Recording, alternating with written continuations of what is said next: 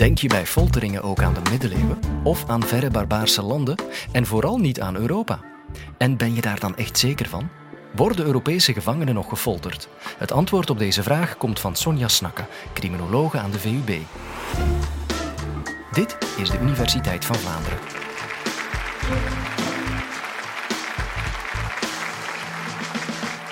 Zullen we maar meteen vragen wie denkt dat er niet meer gefolterd wordt in Europa? Enkele handen in de zaal gaan de lucht in.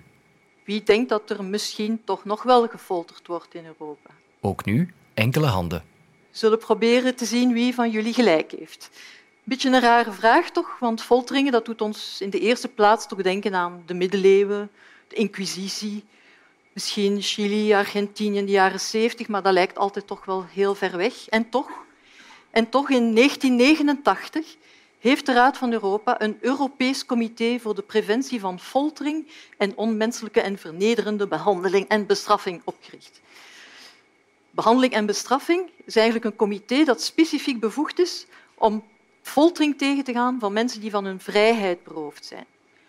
Waarom zouden nu specifiek die mensen nu een hoger risico eigenlijk daarvoor vertonen? Dat gaan we proberen te beantwoorden, maar voordat dat we dat doen, moeten we misschien eerst nadenken van wat is foltering dan eigenlijk?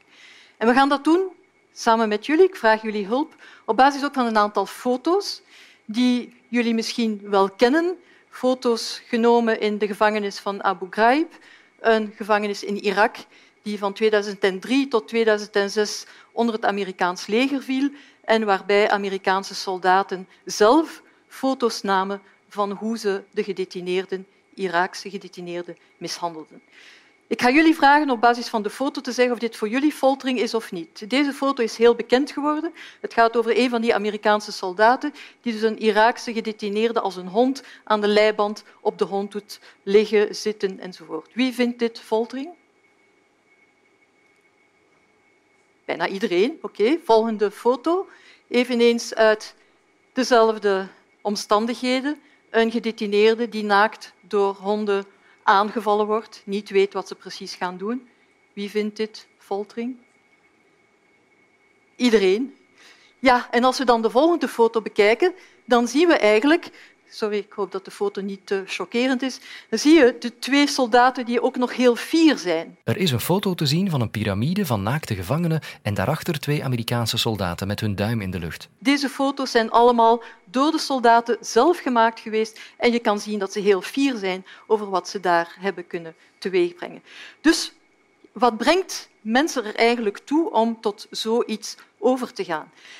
U kan zeggen, ja, oorlogsomstandigheden, dat is weer ver weg van ons. De vraag is eigenlijk, hoe zit het nu in Europa?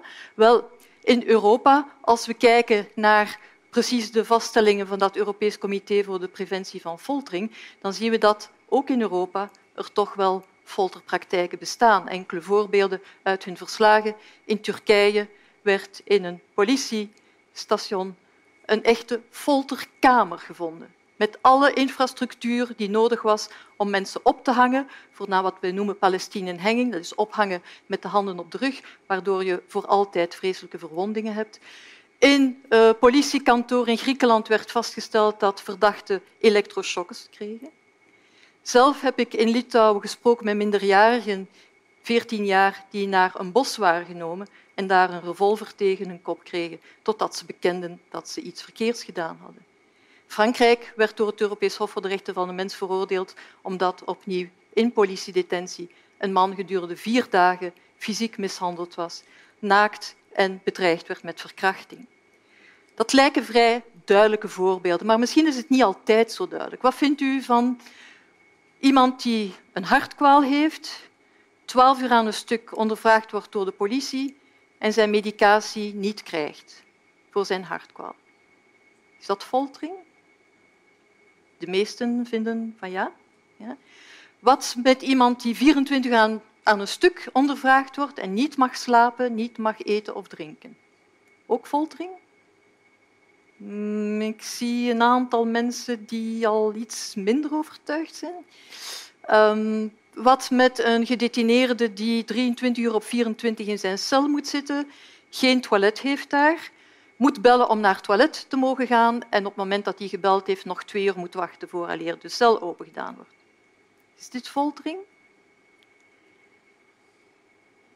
Iets minder duidelijk dan daar straks misschien, maar ja, de vraag is waar is de grens? Want we hebben foltering, we hebben mishandeling, psychologische foltering, echte fysieke foltering. Dus niet altijd zo gemakkelijk. Dus wat is foltering? Onze eerste vraag. Wel, we zien dat daar verschillende antwoorden op zijn. Het Europees Hof voor de Rechten van de Mens heeft een definitie gemaakt die nog redelijk vaag blijft, maar die zegt het is bewust opgelegd onmenselijke behandeling die extreem leed teweegbrengt. Dat leed kan fysiek zijn of psychologisch. Dat Europees Comité voor Preventie van Foltering werkt niet met een definitie. Zij bezoeken gevangenissen, politiecentra, psychiatrische ziekenhuizen. Zij kijken ter plaatse hoe er omgegaan wordt met de mensen die in de inrichtingen zitten en beslissen dan of het vormen van foltering zijn. Zij willen niet met een definitie op voorhand vertrekken, omdat ze denken misschien missen we dan zaken die we niet onder die eerste definitie zouden zien vallen, maar die uiteindelijk toch voor ons ook foltering zijn. Dus iets dat blijkbaar toch ook heel wat vragen oproept. Een andere vraag is dan natuurlijk, ja, waarom wordt er dan gefolterd? Als u die beelden gezien hebt van Abu Ghraib, als u de voorbeelden hoort van het Europees Comité voor Preventie van Foltering, dan gaat het op het eerste zicht dikwijls over politie, en over mensen die verdacht worden van misdrijven en waar men dus hoopt bekentenissen te kunnen afdwingen door die folteringen, namen van medeplichtigen, toekomstige misdrijven enzovoort. Als we denken aan Abu Ghraib, dat is in 2004 zijn die foto's vrijgegeven, na 9-11 2001, waar de Amerikaanse regering blijkbaar beslist had dat in de strijd tegen het terrorisme, wat zij intensive interrogation techniques noemden, intensieve verhoortechnieken, gelegitimeerd waren in de strijd tegen het terrorisme. Dus dat brengt natuurlijk ook wel een morele vraag. Heeft men het recht om mensen te folteren om misschien andere mensen te kunnen redden? Wie zou zeggen, ja, misschien wel. Stel, u hebt iemand waarvan dat u weet dat hij ergens een bom gelegd heeft in een supermarkt en u hebt hem in handen en hij wil niet zeggen waar die bom is. En een politieman gaat over tot foltering om te weten te komen waar die bom ligt. Zou u die politieman willen veroordelen voor foltering? Nee. Dus u zegt eigenlijk dan dat foltering in bepaalde omstandigheden misschien toch toegelaten is. Maar u mag niet vergeten hoe reëel zijn die antwoorden, want in de middeleeuwen was het bewezen op basis van folteringen dat heksen in de lucht vlogen en wilde nachten hadden met de duivel, ook op basis van bekentenissen. Dus hoeveel is een bekentenis waard? Maar dat is een pragmatisch antwoord. Een meer principiële vraag is, waar stopt het? U hebt iemand waarvan u weet dat hij een bom ergens heeft gelegd, ja, dan wel. Maar u hebt iemand die iemand kent, die iemand gezegd heeft dat die iemand kent die een bom ergens gelegd heeft. Ja. Waar wel, waar niet. En als we dan zien, denk aan Abu Ghraib, denk aan wat er in de Tweede Wereldoorlog in de exterminatiekampen gebeurd is, ja, dan ziet men hoe gemakkelijk die grens verschoven wordt en wanneer iemand een vijand wordt, wanneer iemand minderwaardig wordt, een minder ras, dat het dan het risico op foltering, exterminatie zelf, ja, eigenlijk wel heel reëel wordt. Vandaar dat in Europa bijvoorbeeld het Europees Hof voor de Rechten van de Mens een absoluut verbod van foltering verdedigt. Ongeacht de omstandigheden, of het nu oorlog is of terrorisme of om teven wat, er is geen enkele legitieme reden om te folteren precies om een absolute waarborg te hebben tegen dit soort misbruiken. Maar het is niet alleen bij politie en in, in gevallen van oorlog dat er gefolterd wordt, wordt ook in gevangenissen gefolterd. Gevangenissen waar natuurlijk ook mensen zitten die reeds veroordeeld zijn, dus waar het niet meer gaat over bekentenissen. En hier ziet u een voorbeeld uit de standaard van november 2009 onder de titel Abu Ghraib in Vorst Jamyou en Bergen. Dat zijn drie van onze Belgische gevangenissen. En een klein citaat uit dat artikel van de Standaard, en ik lees voor. Op 11 november 2006 mishandelden drie dronken gevangenisbewakers gedetineerden uit de psychiatrische vleugel van de gevangenis van Bergen naar het recept van Abu Ghraib. Ze lieten ze rondkruipen op handen en voeten, waarbij ze bevelen moesten opvolgen zitten, likken met een lus rond de nek. België 2006. In de krant verschenen 2009. Hoe kan men dat verklaren? Belangrijke inzichten rond die verklaringen hebben we gekregen via het Stanford Prison Experiment. Misschien ook wel bekend, in de kelders van Stanford University werd een gevangenis nagebouwd door professor Zimbardo, een bekende sociaal psycholoog, en zijn team, waarbij studenten toevallig in twee groepen verdeeld werden. Een groep die de rol van de gedetineerden moest spelen en een groep studenten die de rol van de bewaarders moesten spelen. En de bedoeling was om te zien hoe in dergelijke omstandigheden van afhankelijkheid, want gedetineerden worden heel afhankelijk natuurlijk van het personeel, hoe dat de sociale relaties beïnvloedt in zo'n gesloten sector waar ook niemand kan binnenkijken. Dus die studenten waren volledig onder elkaar aan hun lot overgelaten, samen met alleen de professoren die de gevangenisdirecteur ook speelden. De bedoeling was dat het experiment veertien dagen zou duren.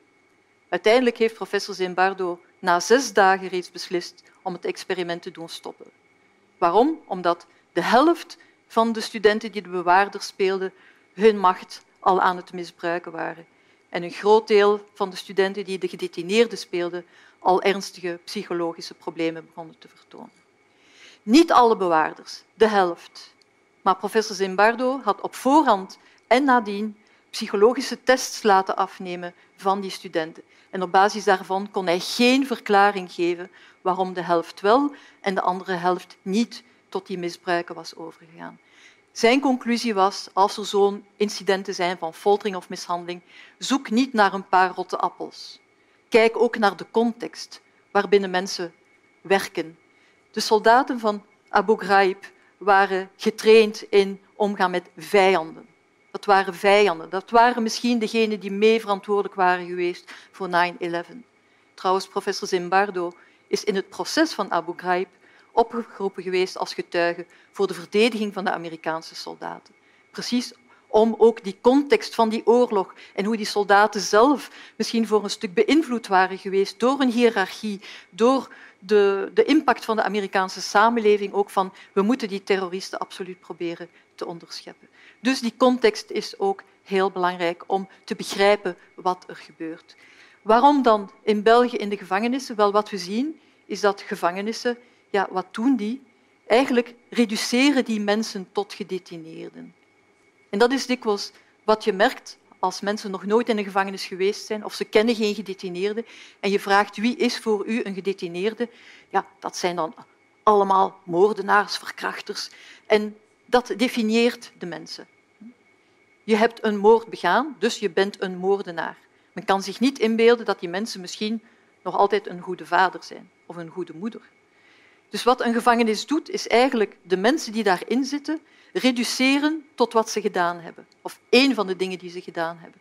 En dus men verliest precies dat menselijke uit het oog. Een mens wordt een gedetineerde, wordt een crimineel. En ja, ook in onze Belgische gevangenissen gebeurt dat soms. Ik doe al meer dan dertig jaar onderzoek in gevangenissen, onder andere in België. Er zijn bewaarders in België die een schitterende job doen, die op een ongelooflijk goede manier met een moeilijke populatie omgaan, want het is zeker geen gemakkelijke job. Maar ik heb ook bewaarders gehad die toen ik zei ik probeer mensenrechten voor gedetineerden te beschermen, die zeiden mensen, mevrouw, dat zijn geen mensen, dat zijn beesten. Als men zo denkt, ja, dan kan men zich inbeelden dat het risico op misbruiken natuurlijk ook groter is, als men precies ontkent dat dat nog steeds mensen zijn.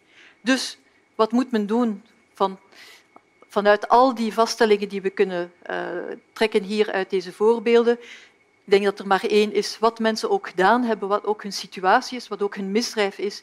Men moet de menselijke waardigheid absoluut blijven beschermen via bescherming van mensenrechten. Dat is geen gemakkelijke boodschap en dat zegt ook niks over hetzelfde voor slachtoffers, hetzelfde voor familie. Het is niet of-of, het is en-en. Maar dus, als ik terugkeer naar mijn oorspronkelijke vraag, worden Europese gevangenen nog gefolterd? Dan is het antwoord jammer genoeg ja. In verschillende omstandigheden, soms om bekentenissen af te dwingen, soms omdat ze gedegradeerd worden tot minder dan mensen. En ik hoop dat dat nu ook voor jullie een stuk duidelijker geworden is. Dit was een podcast van de Universiteit van Vlaanderen. Deze podcast is gratis dankzij onze partners KNAK, Radio 1, de vijf Vlaamse universiteiten en de Jonge Academie.